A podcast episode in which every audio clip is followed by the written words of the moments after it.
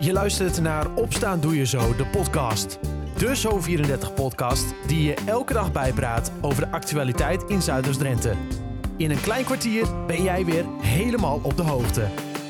Het is maandag 4 juli 2022. Dit is Opstaan Doe Je Zo, de podcast aflevering 221. Het is een aangename dag met zon en wolken die elkaar afwisselen.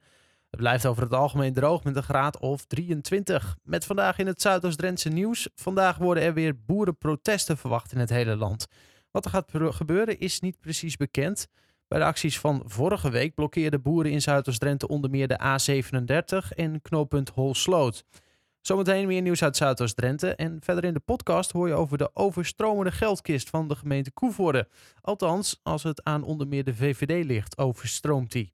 Maar eerst een onderzoek van het Centraal Bureau voor de Statistiek. Uit cijfers blijkt dat in 2021 meer mensen zijn gaan wisselen van werksector.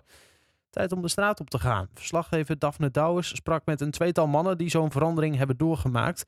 Zo hoor je zometeen een gesprek met een voormalig bakker. Maar eerst sprak ze met Benny Lindeman uit Klazinaveen. Ook hij heeft het roer omgegooid. Ik heb 15 jaar in de detailhandelwereld gezeten.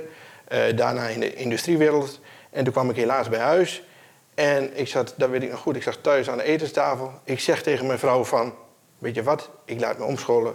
Nou, ze zegt, dat kan. Ik zeg, maar dan onder de zorg. Oh, zegt ze. Ze zegt, moet je doen. Ik ben echt altijd een zorgzaam type geweest. En uh, voor iedereen sta ik altijd klaar. En uh, ja, zodoende is eigenlijk het balletje gaan, uh, gaan rollen. En eigenlijk achteraf had ik het eigenlijk nou, veel eerder doen moeten. Alleen ik viel net eigenlijk in de coronaperiode. Ja, ik, ja, dat vond ik altijd heel lastig. Maar goed, ja, toch binnen een jaar mijn, uh, mijn diploma gehaald. En uh, ja, daar ben ik zelf ook zeer trots op natuurlijk. Eigenlijk helemaal geen zorgachtergrond. En dan nu uh, ja, ben ik hier binnen binnen de Blerik ben ik werkzaam. Ja, dat is gewoon fantastisch. Ik ben vanmorgen begonnen met je vroege dienst. Nou, je, je gaat de mensen verzorgen. die ga je weer lekker fris en fruitig maken, laat ik het zo zeggen. Dan krijg je dus glimlach. Ja, dat, dat doet je gewoon goed. Dat doet je echt goed. Naast Benny sprak ze dus ook met Bob Schrijber. Hij heeft na tientallen jaren een carrière switch gemaakt van banketbakker naar bloemist. Ik ben uh, bijna 34 jaar banketbakker geweest. En um, ik vond echt voor een paar jaar geleden vond ik echt tijd van, nou, ik, ik wil eens wat anders. En ja, toen heb ik een uh, loopbaancoach in de arm genomen. Nou, ja, heb ik gekeken naar wat voor meer vaardigheden ik heb, mijn interesses, nou, wat ik eigenlijk aan hobby's nog heb. Ja, dan kom je toch zo uit uh, als, een, uh, als bij, bij, een bloemist. En uh, een dag meegelopen en ik had eigenlijk een, een, een nieuwe baan. Okay. Ja, de dames hier op de vloer die, ja, die kunnen dat super. Die kunnen het echt heel super. En die vaardigheid moet ik ook nog leren. Ik kan wel een boeket in elkaar draaien, dat kan ik wel maar niet op de manier zoals zij dat doen. En dan moet ik gewoon leren. Aldus Bob Schrijber in gesprek met verslaggever Daphne Douwers over zijn carrière switch. Begin is er, maar er valt dus nog genoeg bij te leren bij de mannen. Zometeen in de podcast hoor je over de geldkist van de gemeente Koevoorde. Dat is na het laatste nieuws uit Zuidoost-Drenthe. Vandaag worden er weer boerenprotesten verwacht in het hele land. Wat er precies gaat gebeuren is niet bekend. Vanochtend vroeg blokkeerden tientallen trekkers in Drenthe het distributiecentrum van Jumbo in Bijlen en Coop in Gieten. De boeren blokkeren daar zo dat vrachtwagens het distributiecentrum niet op of af kunnen. In verband met de verwachte acties adviseert Rijkswaterstaat automobilisten om eten en drinken mee te nemen, voor als je in een lange file komt te staan. Bij de acties van vorige week blokkeerden boeren in Zuidoost-Drenthe onder meer de A37 en knooppunt Holsloot. De politie van Koevoorde heeft zondagavond een minderjarige Koevoordenaar aangehouden voor diefstal van een airsoftwapen en een scooter. Na de arrestatie zijn het wapen en de scooter teruggebracht bij de rechtmatige eigenaar. En in Koevoorde is de politie gisteravond op zoek geweest naar een demente man. Volgens een melding was hij al een uur vermist.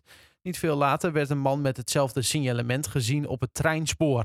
De politie kwam met meerdere eenheden ter plaatse en heeft samen met ProRail de man van het spoor kunnen halen. Hij is in goede gezondheid teruggebracht bij zijn familie. En FCM heeft zaterdagavond met 11-0 gewonnen van VV Hoge Zand, de kampioen van de zondag eerste klasse F. Trainer Dick Lukien liet veel spelers minuten maken. Met de zege komt er een einde aan de serie oefenwedstrijden tegen amateurs. Vanaf deze week wordt de weerstand groter, want vrijdag oefent Emmen tegen het gedegradeerde PEC Zwolle. Tot zover het laatste nieuws uit de regio. Voor meer ga je naar zo34.nl of je kijkt in onze app. Afgelopen week stond de gemeente Koevoorde in het teken van de kadernota-vergadering. Er werd dus uitvoerig gepraat over geld. De spaarpot van de gemeente Koevoorde groeit steeds verder en daar zijn de VVD en de Partij van de Arbeid wel klaar mee. Het is niet de eerste keer dat hier vraagtekens bij worden gezet. Nu de plannen voor de begroting van 2023 alvast besproken worden, komen de twee partijen met voorstellen om te stoppen met het blijven vullen van die gemeentekas. De teller daarvan staat nu op ruim 34 miljoen euro. Het moet in 2026 op bijna 48 miljoen euro uitkomen. Veel te veel wat VVD-raadslid Irma Talens betreft, zei ze ook tegen verslaggever Dylan de Lange. Het is van een waanzin dat we bijna straks jaar op 48 miljoen aan reserves zitten. Nou, dat geld moet gewoon terug naar de inwoners en ondernemers. Nogmaals, als je wat wilt besteden, als je wat wilt doen, zorg ervoor dat je daar de middelen voor hebt. Maar ga niet alles oppotten. En de gemeente die wil zich indekken hè, tegen die inflatie die eraan staat te komen, die er nu al is, met een uh, stelpost daarvoor. Ook geen goed plan volgens jullie?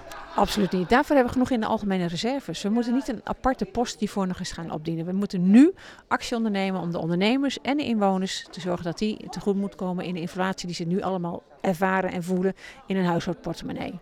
Het is niet de eerste keer dat jullie dit aankaarten, hè? Wij zullen hier continu op terugkomen. OZB is voor ons echt een belangrijk issue, zowel voor de ondernemers als voor de woningeigenaren. Dat moet gewoon naar beneden. En we zijn in Drenthe nu ook alweer aan de hoge kant, dus dat moet absoluut naar beneden. Ja, verwacht u een uh, kans van slagen dit keer?